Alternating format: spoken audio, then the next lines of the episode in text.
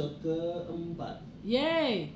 Ini adalah angka yang sangat Tidak baik. Bu- bukan, astaga gue baru bilang ini angka keramat loh Lu biasa berdoa yang tidak baik kayaknya nih orang kan nggak menghindari angka empat. Dalamnya itu 3A. Kalau podcast kita Ya, ini sengaja 3A. dihajar Sengaja kita hajar eh, episode nomor 4 Gitu ya Nomor 4. Hari ini eh, temanya berhubung bulan ini ada Hari International Women's Day. Mhm. Hari ini kita mau cerita tentang Perempuan perempuan yang punya kisah Iya Selain gue selain Sasti.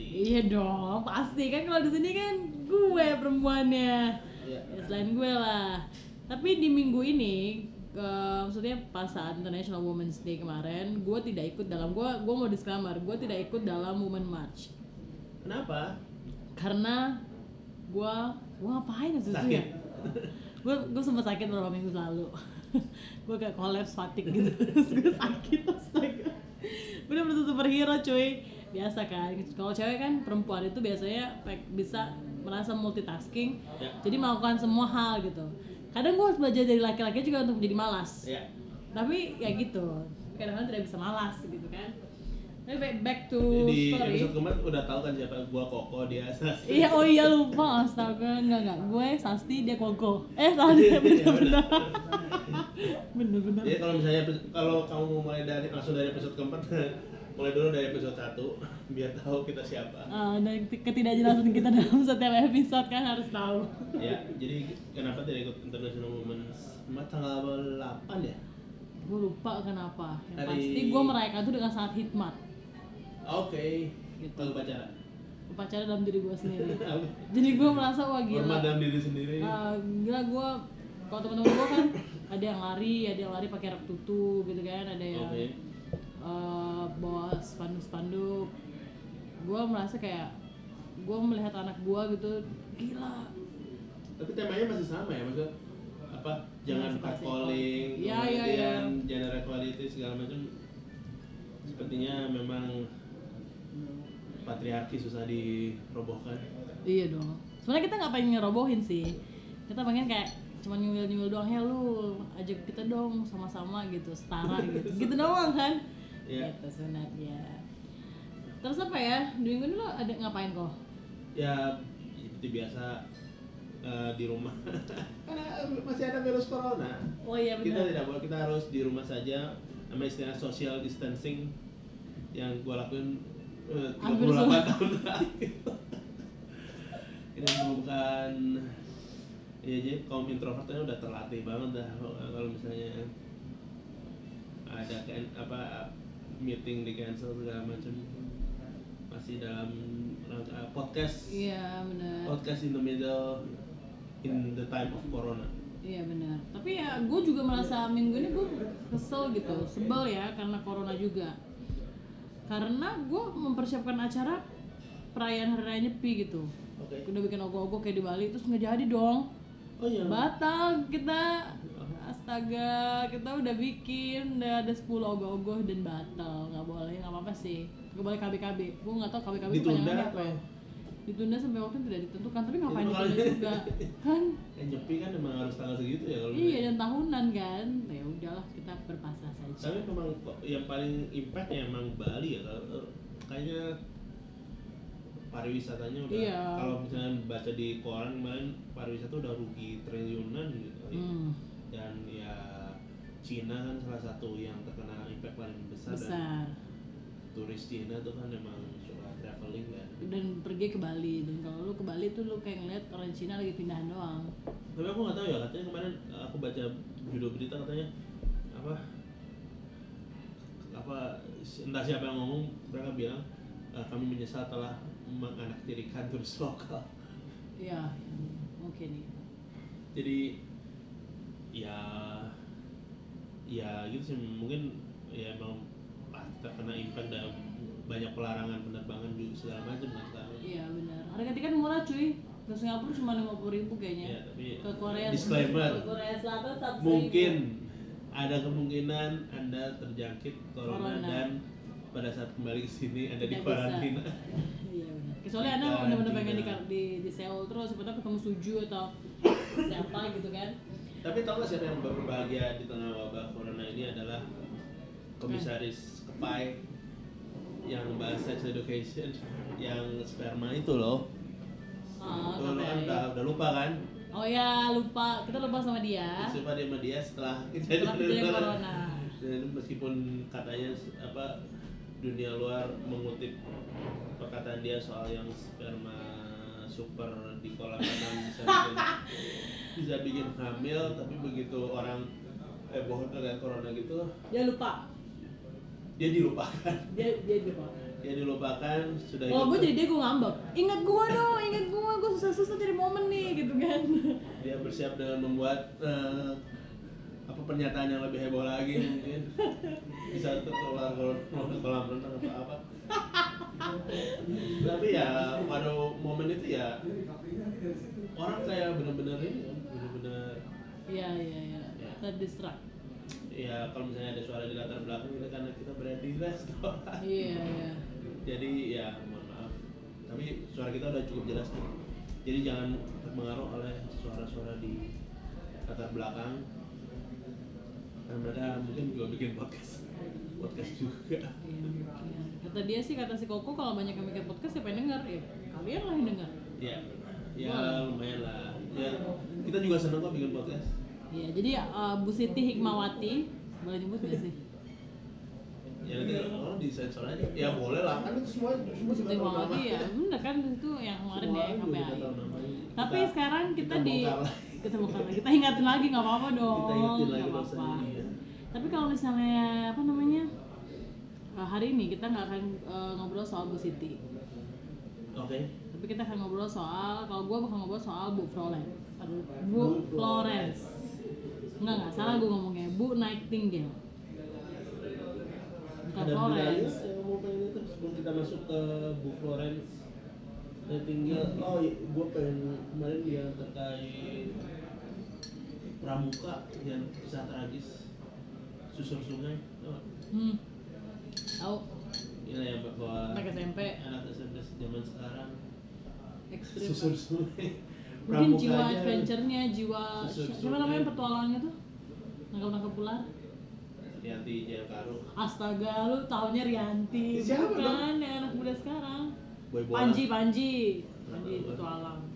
Udah nonton. TV gue ya itu dan semua orang sekarang nggak mau disalahin terkait terkait itu gitu bahwa ya kita nggak tahu juga bahwa sungainya bakalan gua dan segala macam kan Iya. bahkan kepala sekolahnya bahkan bilang saya nggak tahu ada kejadian apa bahwa bakalan menyusur sungai dan musim hujan gitu bahwa ya atau sih menurut aku sih itu bisa dihindarkan.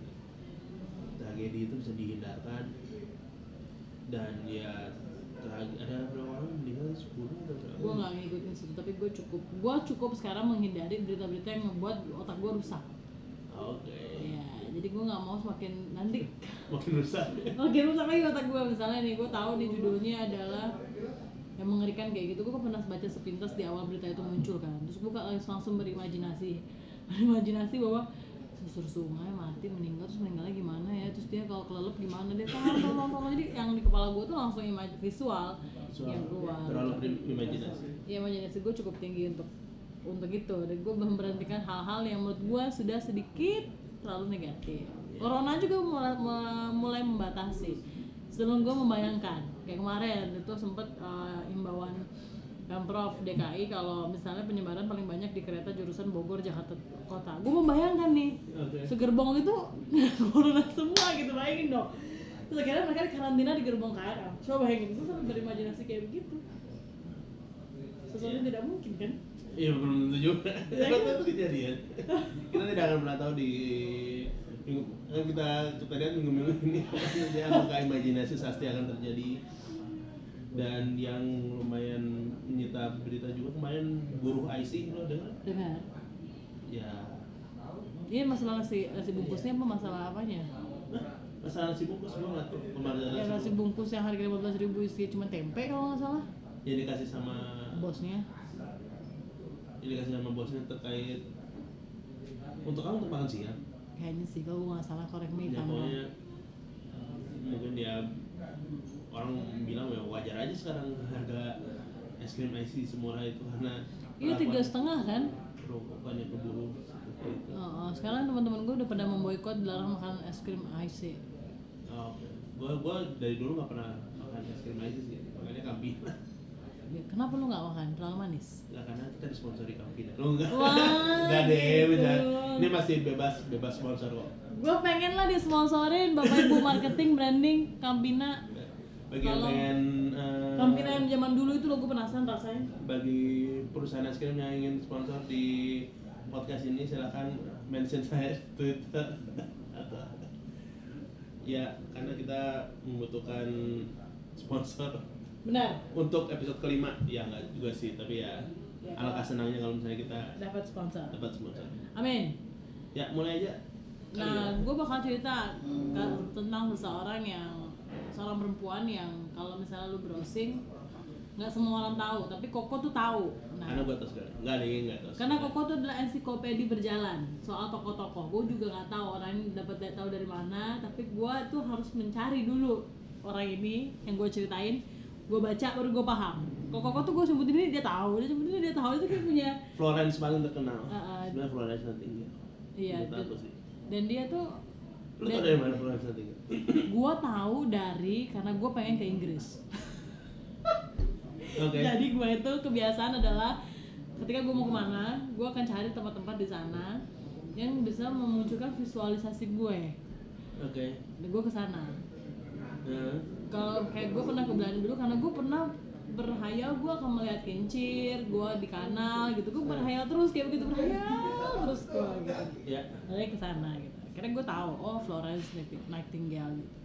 Ada museumnya di situ dan akhirnya gue gue teringat itu dan gue coba mencari tahu lebih dalam kenapa Jadi lu kalau ke Inggris nggak ke Big Ben, nggak ke sana dulu. Gue gue suka banget ke museum gitu.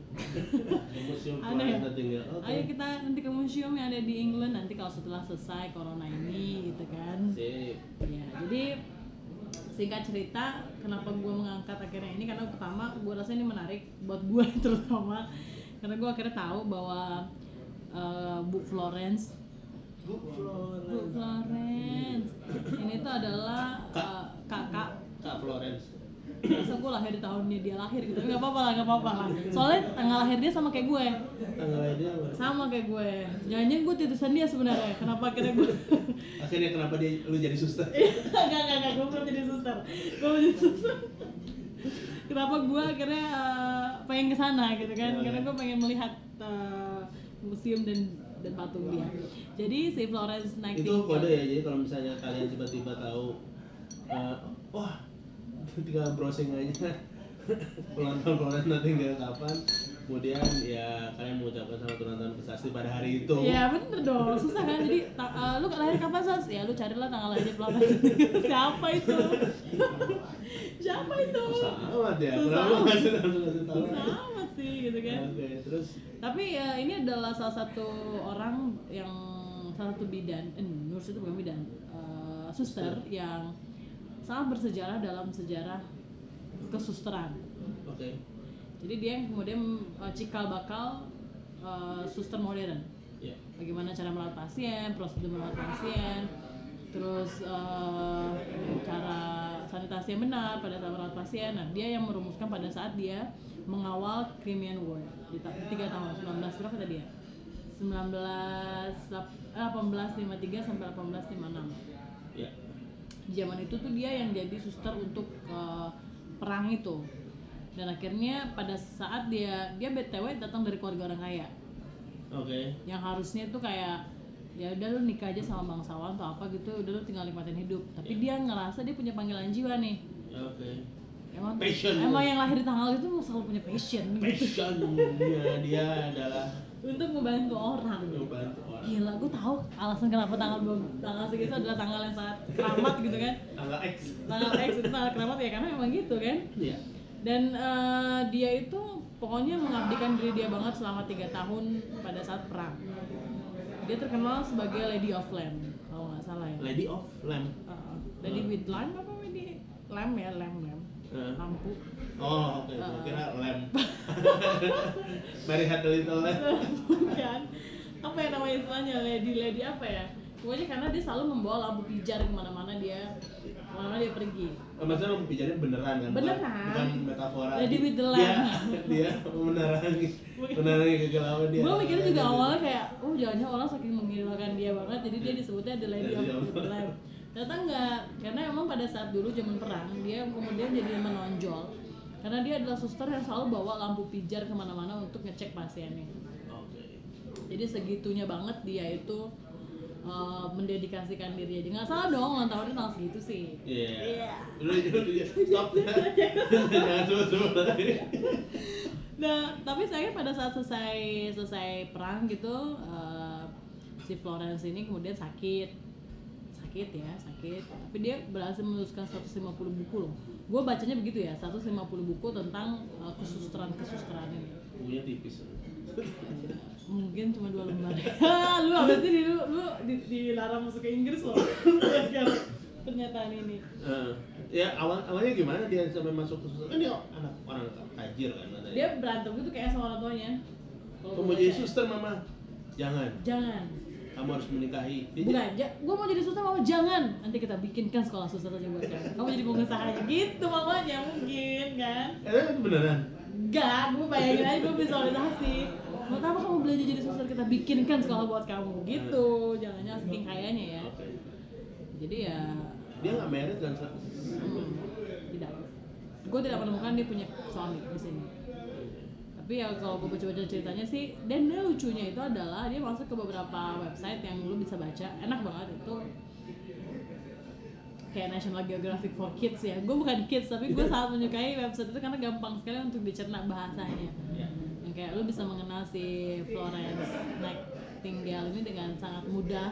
Ya ada buku-buku cerita gitu yang yang mengilustrasikan dia tuh gimana bawa lampu pijarnya. Terus lu bisa membayangkan pada saat dia jalan di tengah row itu untuk Nah. ngecekin satu persatu. Mungkin gue bisa membayangkan kenapa kemudian dia bisa bikin prosedur kesusteran itu karena dia segitu detailnya gitu dia Oh, cek satu oke. persatu dia liatin oh begini dia Di begini Crimean War berarti kan maksudnya korban perang. korban dong? perang jadi dia membuat itu jadi begitu jadi gue doain gue ya biar gue bisa ke museumnya Jadi sister oh bukan? jangan dong gue mau ke museumnya Museum Nightingale. eh, di Inggris sana Berarti dia cuma satu orang atau dia punya teman-teman susternya?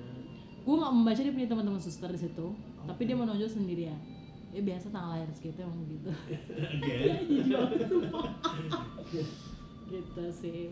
Ya ya sekarang dia masih masih sangat ditokohkan gitu dalam bidang kesusteran keperawatan itu dia masih sangat ditokohkan sebagai pionir icon gitu. Karena kan biasanya mazhabnya tuh ke Amerika ya. Apa apa tuh Amerika tokoh tuh penemu Amerika tapi sekarang kemudian di Inggris. Entah entah ada sentimen politik di sana bahwa ini Inggris lebih dulu nih gitu. Akhirnya dia dia yang me- dia kemudian yang menjadi cikal bakal sekolah perawat pertama di Inggris. Florence Nightingale so- sekolah dia, dia ngajar. sekolah sekolah pertama dari buku-buku dia. Dari buku-buku dia kemudian dijadikan sekolah. Gue mana ya dia Dia suka belajar belajar susteran di mana? nah gue tidak mendapatkan informasi itu. Jadi kayak skip gitu loh informasi itu tuh skip. Dari dukun atau dia atau dia tuh kemudian dapat aja gitu sekolah Dari dukun Galia bernama Panoramix. Tapi nggak tahu sih zaman itu tuh udah sekolah belum sih orang mau jadi suster Iya, apa kayak karena perang siapa yang mau jadi volunteer gitu kayak nggak tahu kan Ya tapi terus ya iya tuh eh, apa maksudnya peran suster di kan udah ada dokter, dokter kan pasti udah ada kan. Terus Florence Nightingale menempatkan dirinya jadi suster itu kenapa nggak jadi dokter sekalian gitu? dia tuh anak homeschooling loh Oh. Gue nggak tahu kenapa dia kemudian tidak mau menjadi dokter karena itu tidak di angle itu tidak pernah ada diangkat dalam website apa pun. Nggak ada filmnya kan ya? Gue nggak ke skip kan? Ini ternyata ada filmnya terus gue nggak nonton gitu filmnya. Pasti ada, dia kan namanya judulnya Lady with Lamp. terus salah bingung lem wah burger lem nih gitu padahal lemnya pakai P bukan B kan? Eh ya awalnya berarti dia dia emang mau volunteer oh dia di Jerman di Jerman sekolahnya. Dia sekolah di Jerman Hmm. belajar dokteran belajar ke hospitality hospital yang ya kayak kedokteran kayak keperawatan gitu di sana. Terus kemudian dia balik ke Inggris dan menjadi eh, manajer dari Gentlewoman di London. Oke. Tuh, setelah itu baru dia ikut Crimean War dan akhirnya kemudian membuat itu membuat semua tulisan-tulisan dia soal prosedur keperawat perawat modern. Dan dia terkenal karena dia kemudian menginisiasi menjadi inspirasi untuk bikin sekolah perawat itu di Inggris Raya. Menurut gue sih semua hal tuh momentum ya. Gue nggak tahu. Momentum gitu. Misalnya lu ternyata suatu saat nanti kok akan menjadi tokoh storytelling Indonesia gitu kan. Amin. Akan menjadi bapak bapak bapak pendongeng Pendongeng. bapak pendongeng gitu. Kan kita nggak tahu. Tapi momentum gitu. Kayak gini momentum. Iya. Dia ya tapi dia ini kan mendirikannya eh, apa punya privilege ya. Ngomongin Hmm. privilege lagi. Privilege Dia privilege betul. bokapnya Kaya. tajir apakah ya aku nggak tahu sih kalau misalnya bokapnya tajir maksudnya Florence Nightingale kan gua- aku nggak terlalu tahu nama doang bahwa dia suster. Hmm, kemudian ya kalau backgroundnya apa kemudian ya kayak ya bayangin kayak suster aja bahwa kalau dia ternyata sebelum dia nggak ada yang pekerjaan yang namanya suster ya berarti lebih wah daripada yang gue pikirin tentang Florence Nightingale sebelumnya sih. Gue bayangin bahwa Florence Nightingale ya oh suster tapi kayak suster yang baik terus kayak suka menolong semua orang kayak Mother Teresa aja. Tapi ya ternyata dia sumber perubahan untuk ke perawat bidang perawatan di Inggris Raya dan gue akan ke sana gue akan membagikan postingan gue ntar di Twitter sombong. Gue bakal menyombongkan diri gue kalau udah ke sana guys. Iya. Yes. Yes gue ke sini. Yes. Gue akan tiup lilin berbareng sama Florence pada bukan ulang tahun. Nanti gue post pas ulang tahun gue ya kan? Birthday buddies Hai, happy birthday gitu kan lucu banget gila. Lu bisa membayangkan itu terjadi. Lu bisa membayangkan pasti kan? Kocoknya gue. Di sana. Dia berarti sampai sakit umur berapa dia? dia akhirnya meninggal di usia 90 sih. Cuman dia kan sakit parah setelah itu. Iya udah udah udah lama banget dia hidup udah puas Makanya kenapa dia banyak banget penghargaan? Dan akhirnya dibukakanlah museum untuk dia untuk menyimpan semua penghargaan. Nightingale. Jadi buat anda-anda sekarang yang suster-suster eh, percayalah, percayalah dan percayalah. Bahwa? Bahwa mungkin aja kan momentumnya anda jadi ceritanya eh, tokoh perawat modern pertama di Indonesia gitu misalnya bisa. Bisa. aja. Bahwa menemukan ya- cara menangani corona dengan baik dan benar. Gue nggak Ya, tahu. Tapi kan kayaknya semua suster kayaknya ya udah udah udah baik dan benar. udah mengetahui cerita tentang Florence. Ya, aku nggak tahu ya maksudnya kalau misalnya ini sebagai pelopor kesusteran pertama kali di dunia ya kayak modern. Modern ya. Berarti ada kuno. Ada yang kuno. Gue penasaran gue bakal cerita siapa yang kunonya gitu. Itu cerita gue. Dan doain gue biar bisa ke museum Florence Nightingale Amin. Ya di Inggris sana hmm, kita dengar dulu Koko akan cerita apa nih Eh, oke cerita gua minggu ini untuk International Women's Day adalah cerita mengenai Amelia Earhart. oh Oke. nyanyi dulu dong Ah, sure. bukan itu lagunya ya lagunya apa sih Jadi tadi membahas eh, Sasti belum pernah dengar Amelia Earhart sebelumnya. Kemudian gua bilang itu kan salah satu lirik dari Someday We'll Know-nya ya iyalah New Radical terus dia juga lagi.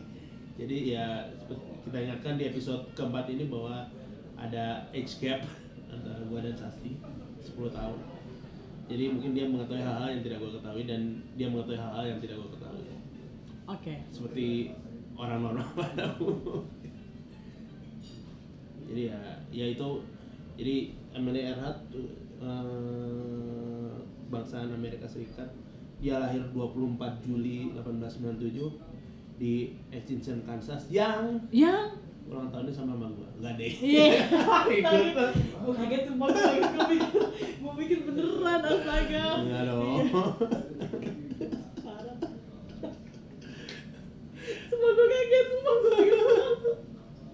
Udah, astaga. lahir di Atchison, Kansas. yang eh, Diketawain lagi tanya ya. Diketawain lagi sama tetangga, astaga. Aduh. Parah parah. ya jadi lahir di 24 Juli 1897 di Easton, Kansas. Masa kecil Amelia Earhart merupakan gadis tomboy yang pertama kali jatuh cinta pada penerbangan ketika melihat pameran akrobat pada usia 20 tahun. Untuk pertama kalinya dia menjadi penumpang di pesawat pada Desember 1920 dan dia berkata eh, mengenang itu bahwa pada saat aku eh, bisa terbang setinggi 2 atau 300 kaki, aku tahu bahwa aku harus bisa terbang. Hmm. Kemudian dia mulai mengambil pelajaran menjadi pilot hanya beberapa hari kemudian. Dalam dua tahun pelajaran terbang pertama itu dia memecahkan rekor ketinggian terbang untuk eh, perempuan ya sepanjang tahun sepanjang tahun 1920-an dan 30-an ia terus memecahkan rekor dalam kecepatan dan ketinggian dan memecahkan beberapa rekor dalam penerbangan. Pada tahun 1928 dia menjadi wanita pertama yang terbang melintasi Samudra Atlantik. Ketika mendarat dia disambut oleh parade yang meriah di New York City dan resepsi pribadi dengan Presiden Calvin Coolidge di Gedung Putih. Hmm. Ia juga wanita pertama yang terbang solo melintasi Atlantik pada tahun 1932. Prestasi ini memberikan dia medali US Distinguished Flying Cross dan pertama kali diberikan kepada wanita. Tapi eh, ya sebenarnya Earhart juga bukan wanita pertama yang mengemudi pesawat. Di- Jadi itu Marie Elizabeth Tibble dari Prancis yang mengemudikan balon udara panas pada tu- 1784 juga bukan pilot pertama di Amerika itu untuk uh, Aida da Costa tapi Earhart ini terkenal ya karena ya dia pionir di penerbangan dan juga komitmennya uh, terhadap persamaan hak untuk perempuan di segala bidang. Di hampir setiap penerbangannya yang memecahkan rekor, pers mengikutinya seperti selebriti dan orang banyak menyambutnya di lapangan terbang. Dia disebut sebagai ratu udara. Dia ditawari beberapa tawaran sponsor yang menguntungkan dan melakukan tur untuk kuliah umum dan menulis buku di Amerika Serikat. Hmm. Gadis tomboy yang dulu pernah menjahit pakaiannya sendiri, dia bahkan merancang busana yang dijual di eh, super apa kayak butik Macy's di Amerika Serikat. Dia menggunakan selebritasnya untuk mengadvokasi agar wanita diterima secara setara di bidang penerbangan dan bidang mana pun. Dia mendirikan dan melayani sebagai presiden The 99, sebuah organisasi pilot wanita yang didedikasikan untuk memajukan tujuan wanita dalam penerbangan. Dia diberikan peran editor penerbangan di majalah Cosmopolitan dan dia terus mengadvokasi penerimaan wanita dalam penerbangan. Jadi dia kayak orang yang menjadi tonggak pertama perempuan ada di penerbangan gitu ya. Iya, Ibu Kartini ya. Ibu bertanya, ibu Kartini bagi dunia penerbangan mungkin ya.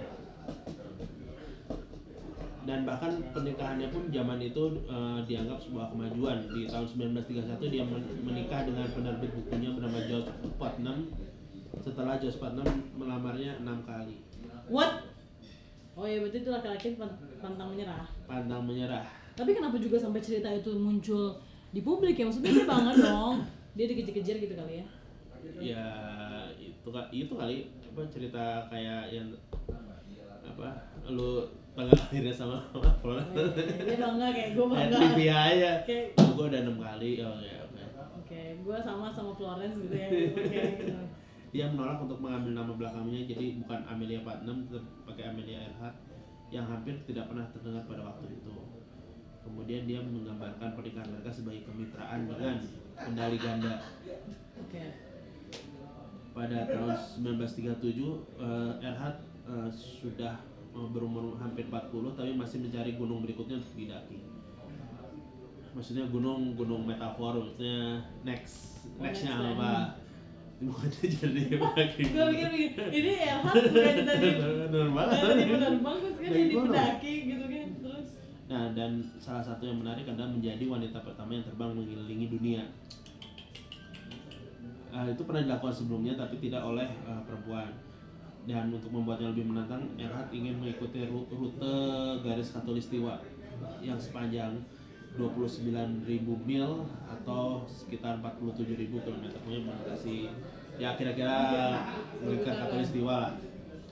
Kemudian pada bulan Maret dia melakukan upaya pertamanya dengan navigator Kapten Harry Manning dan Fred Noonan. Kemudian bersama dengan penasihat teknisnya pilot aksi akrobat Paul Mans. Namun pada putaran pertama dari California ke Hawaii, pesawat Lockheed Electra 10E dia yang dibuat khusus mengalami masalah mekanis. Kemudian perbaikan di Honolulu mereka berusaha untuk melanjutkan penerbangan. Namun saat lepas landas, roda pendaratan mereka lepas, kemudian baling-balingnya jatuh ke tanah dan pesawat tergelincir di bagian perutnya merusak bagian landasan. Pesawat harus dikirim kembali ke California untuk diperbaiki, tapi mereka eh, awaknya nggak apa-apa. Ini tidak cukup untuk menghentikan Earhart. Setelah Electra diperbaiki, dia mencoba lagi terbang ke barat dari barat ke timur dan hanya dengan eh, dua orang awak yaitu Earhart dan Fred Noonan. Jadi eh, dari empat jadi tinggal dua. Nah, bagian perjalanan pertama ini dari Oakland, California ke Miami, Florida tidak dipublikasikan. Tapi pada tanggal 1 Juni, dia dan Nona setelah sebuah perayaan yang meriah berangkat dari Miami. Meskipun peta tidak akurat membuat navigasi yang sulit, mereka bisa melewati Amerika Selatan, Afrika, semenanjung India, dan Asia Tenggara. Jadi ada petanya itu dia. Bahkan dia ada- kalau misalnya petanya benar dia ke Singapura, ke Bandung, ke Surabaya, ke Kupang, terus ke Darwin. Jadi pas di dia melewati beberapa di Indonesia, tapi aku nggak menemukan waktu melihat art di Indonesia. Dia eh, gimana? Dia ada- ke mana? Ada fotonya mungkin mungkin ketemunya orang Belanda. ya, ya mungkin mungkin Soalnya tahun 1937 Jadi dia udah ya hampir hampir ngelewatin sebagian lah, udah hampir sebagian besar perjalanan. Pada 29 Juni mereka berhasil sampai ke Lae New Guinea. Hanya sekitar 7.000 mil yang tersisa dalam perjalanan mereka, tetapi ketika berada di Samudra Pasifik, jadi dari Lae itu mereka harus ke Pulau Holland yang ini eh, sangat menantang. Tantangan pertama adalah ukurannya. Pulau Holland hanya memiliki panjang setengah mil dan setengah kali jadi kecil gitu pulaunya dan tempat terkecil di Pasifik dan sehingga menurut Erhard sendiri dia butuh bantuan untuk menemukan di mana eh, pulau itu. Oh jadi aku mengambil semuanya dari eh, bacaan mediumnya namanya Delany R. Bartlett. Jadi aku eh, menerjemahkan dari sana. Jadi US Coast Guard, jadi eh, US Coast Guard menempatkan eh, kapal Itasca di lepas pantai Pulau Holland untuk mempertahankan kontak radio dan jika perlu bertindak sebagai suar dengan mengirimkan sinyal asap. Jadi ada kapal di situ. Ya kalau misalnya Amelia Earhart eh, biar dia tahu dia harus ke situ gitu. Dua kapal Amerika juga ditempatkan di sepanjang rute perjalanannya untuk nyalain lampu supaya menjadi penanda. Kemudian tantangannya yang berikutnya adalah panjang perjalanan 2600 mil itu berada di luar jangkauan yang bisa ditutupin oleh pesawat. Jadi eh, tanpa berhenti untuk bahan bakar. Jadi setiap barang yang tidak penting dibuang untuk memberikan ruang lebih banyak bahan bakar sehingga cukup untuk memberi pesawat eh, tambahan 274 mil. Jadi ya kemudian pesawat itu sendiri udah nggak dibangun untuk menempuh 2600 mil itu cuma ya namanya juga tantangan kali ya mungkin gimana caranya supaya bisa menempuh perjalanan lebih panjang ya salah satunya dengan dibuang dibuang barang-barang yang nggak perlu. Jadi pada tanggal 2 Juli 1937 Erhard dan Nunan berangkat dari Lae. Meskipun cuacanya bagus eh, tapi ternyata mereka terbang ke langit yang berawan dan hujan. Ini membuat navigasi dengan memakai bintang yang disukai oleh Nunan eh, sangat sulit bahkan hampir mustahil. Hmm. komunikasi awalnya jelas dia melaporkan ke Itasca bahwa kondisinya sangat mendung namun kemudian komunikasi radio mulai rusak. Eh, Itasca berusaha melakukan kontak radio tapi sepertinya Erhard tidak menerima transmisi dari Itasca itu. Jadi ketika transmisi radio Erhard sampai ke Itasca itu tidak teratur pelan terganggu dan suasana apa suaranya statis kemudian pukul 7.42 Itasca menerima pesan. Samar kami pasti ada padamu tapi kami tidak bisa melihatmu. Bahan bakar hampir habis. Tidak dapat menghubungi anda melalui radio. Namun kami terbang dengan ketinggian 1000 kaki. Kapal mencoba menjawab, tapi sekali lagi RH tampaknya tidak menerima transmisi mereka. Karena transmisi tersebut eh, sebenarnya transmisi itu bisa digunakan untuk pinpoint arahnya RH di mana, tapi sepertinya eh, fungsi itu nggak nggak jalan di radionya si RH. Kemudian pukul 8.45 pagi transmisi lain diterima oleh RH. Dia bilang eh, kami terbang dengan kebingungan. Dan itu adalah kata-kata terakhir yang didengar Itasna dari Amelia Earhart. Jadi hilang gitu ya setelah itu ya, hilang kontak gitu ya. Iya, Itasna terus mencoba melakukan kontak selama satu jam, tapi tidak berhasil. Eh, Itasna melakukan pencarian dan tidak berhasil juga. Empat hari setelah transmisi terakhir Earhart, eh, pada tanggal 6 Juli 1937, kapal perang Colorado menerima perintah untuk mengambil alih semua unit penjaga laut dan menjaga pantai untuk mengorganisasikan upaya, upaya pencarian. Itasca, Lexington, Colorado dan kapal Koshu serta eh, pesawat Jepang, eh kapal Jepang serta pesawat amfibi Kamoy mencari hampir seminggu sekitar 150 ribu biogas lagi. Tapi semuanya sudah dilihat tapi tidak pernah ada bukti eh, eh, di mana kapalnya Amelia Earhart. Kemudian pada tanggal 19 Juli setelah menghabiskan 4 juta dolar dan menjelajahi 250 ribu mil pemerintah AS eh, Amerika Serikat dengan eh, enggan membatalkan operasi pencarian dan eh, penyelamatan. Pencarian udara luas paling eh, sejarah dalam sejarah angkatan laut tapi tetap tidak ada bukti fisik Mhm. pesawat baik Amelia Earhart dan Tom Noonan. Jadi jadi berhubung ya Amelia Earhart kan kayak uh, apa uh, selebriti yang terkenal dan dia semua orang di Amerika Serikat kan sangat suka Tahu dia. sama Amerika Earhart jadi ya juga berusaha untuk menemukan di mana lokasi terakhir mereka. Namun suaminya belum siap untuk menyerah pada Kenyataan itu. kenyataan itu. Jadi dia juga membiayai dengan eh, pencarian pribadi, berkoordinasi dengan otoritas, membayar kapal-kapal yang ada di sekitar situ. Kira-kira di mana eh, posisi Amelia Earhart. Kemudian akhirnya pada tanggal 5 Januari 1939 Amelia Earhart secara resmi dinyatakan meninggal. Udah ketemu tapi nggak. Enggak, enggak, enggak, enggak ketemu dia ada di mana. Nah yang jadi menarik adalah sebenarnya apa yang terjadi dengan uh, Amelia Earhart.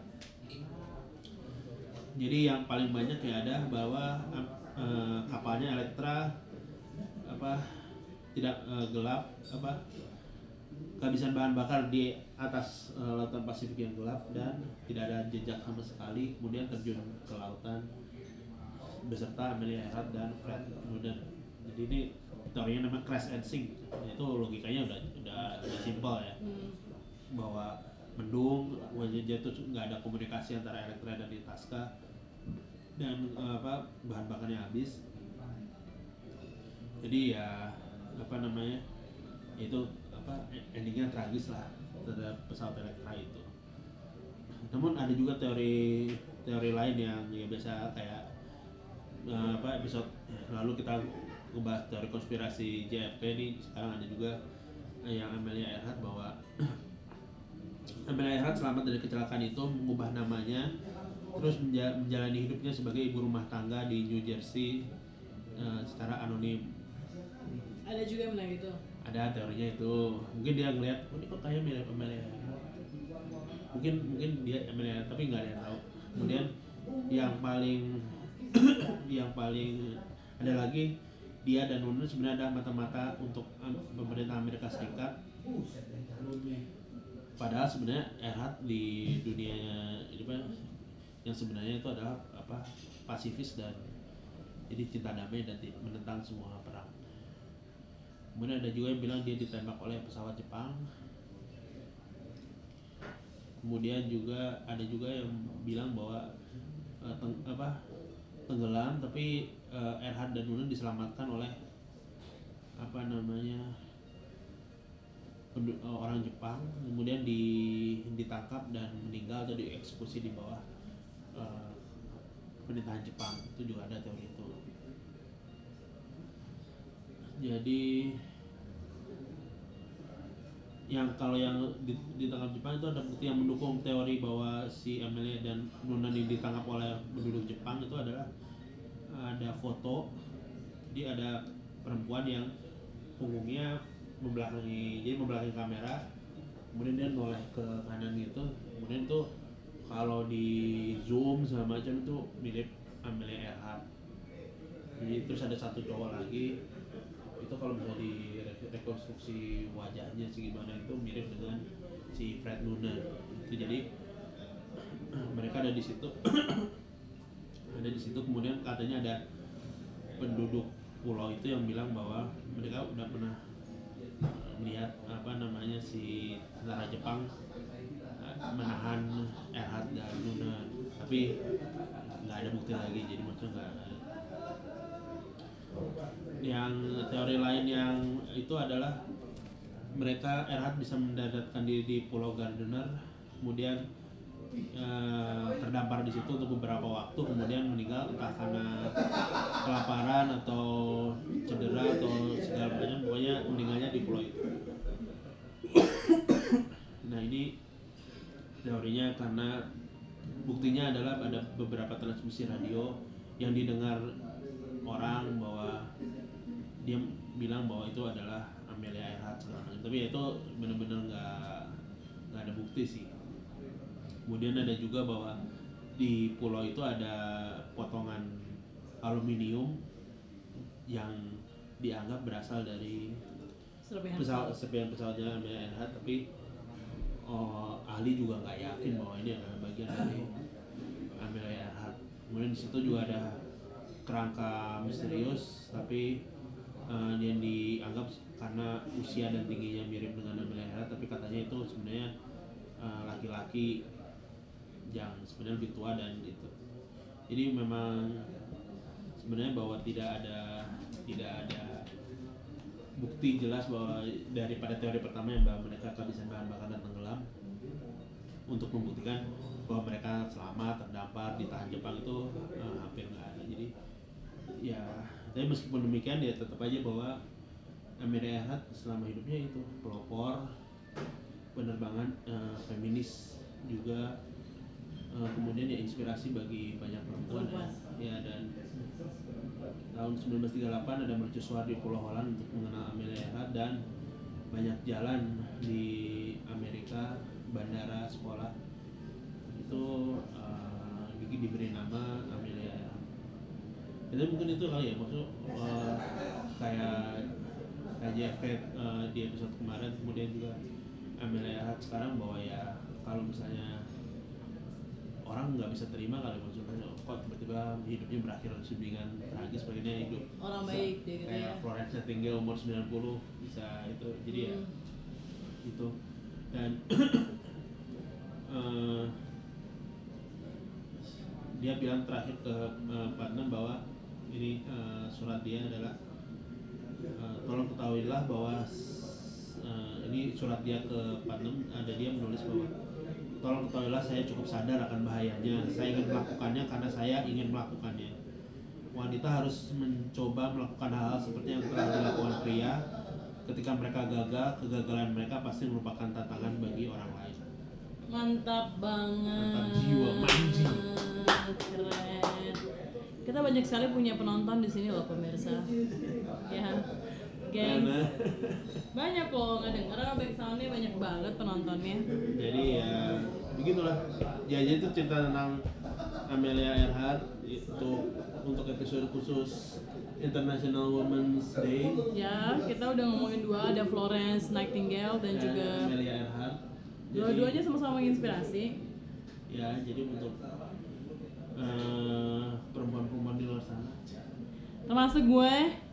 Bisa eh, menadani. Dua tokoh ini atau tokoh yang lain mungkin ya ada perempuan Indonesia juga Kartini atau segala macam.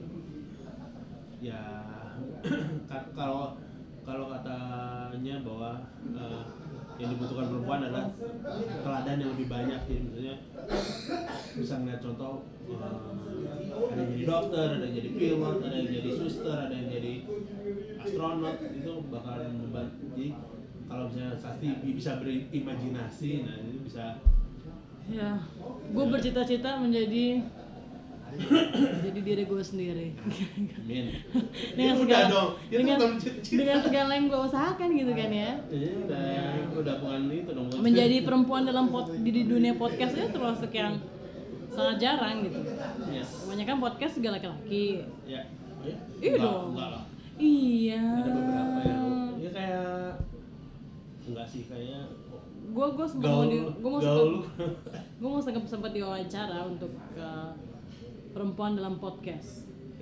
Ya itu eh banyak sih. Ja, ya banyak tapi jarang. Banyak banyak. Banyak tapi jarang. Jarang tapi banyak. lagi gitu kan? Nah, tapi gitulah cerita kita soal perempuan. Kalau lu semua punya cerita soal mungkin mau cerita soal nenek samping tetangga lu ternyata adalah seorang superhero yang nggak pernah kedengeran ceritanya. Atau bibi kamu yang biasanya apa? Kedengeran ya sih keluar? Enggak kan? Terus ya bibi kamu yang biasanya masak ternyata masa lalunya adalah pejuang di melawan. Belanda. Ya mungkin. Kan kita nggak tahu Iya, kita soalnya. nggak tahu. Jadi ya ya kirim aja ceritanya ke kirim at ddcerita.com jadi itu kirim at ddcerita.com atau mention gua di twitter atau ke Sasti juga di tapi di aktifnya di Instagram sih kalau Sasti. Enggak di Twitter juga, di Twitter juga. Ke Prasasti Sa- asik bisa gue bingung di Twitter. Gue hanya membaca menjadi pasif dengan like like oh iya ya soalnya kan lu menghindari deadline deadline yang membuat stres. Ya gue banyak banget deadline cuy. Tapi nggak apa-apa. Kalau kata si siapa namanya? Ir Irhard tadi. Ya dan tinggal juga. Uh, bahwa ya udah perempuan harus melakukan sesuatu yang dia tahu dia pasti gagal di situ. Bukan. Dia berjuang kalau gagal. Iya Ya, walaupun gagal tetap jalan terus Iya. gitu kan? Ya kita jalan aja oke deh kita akan ketemu lagi di episode kelima nanti. Iya. kalau kalian punya ide temanya apa tolong di mention si Koko di Ko 2W ya oke? Oke eh, apa tadi? Eh, Dini dalam cerita selalu berkarya. Dan buat sendiri ceritamu. Bye bye Dadah.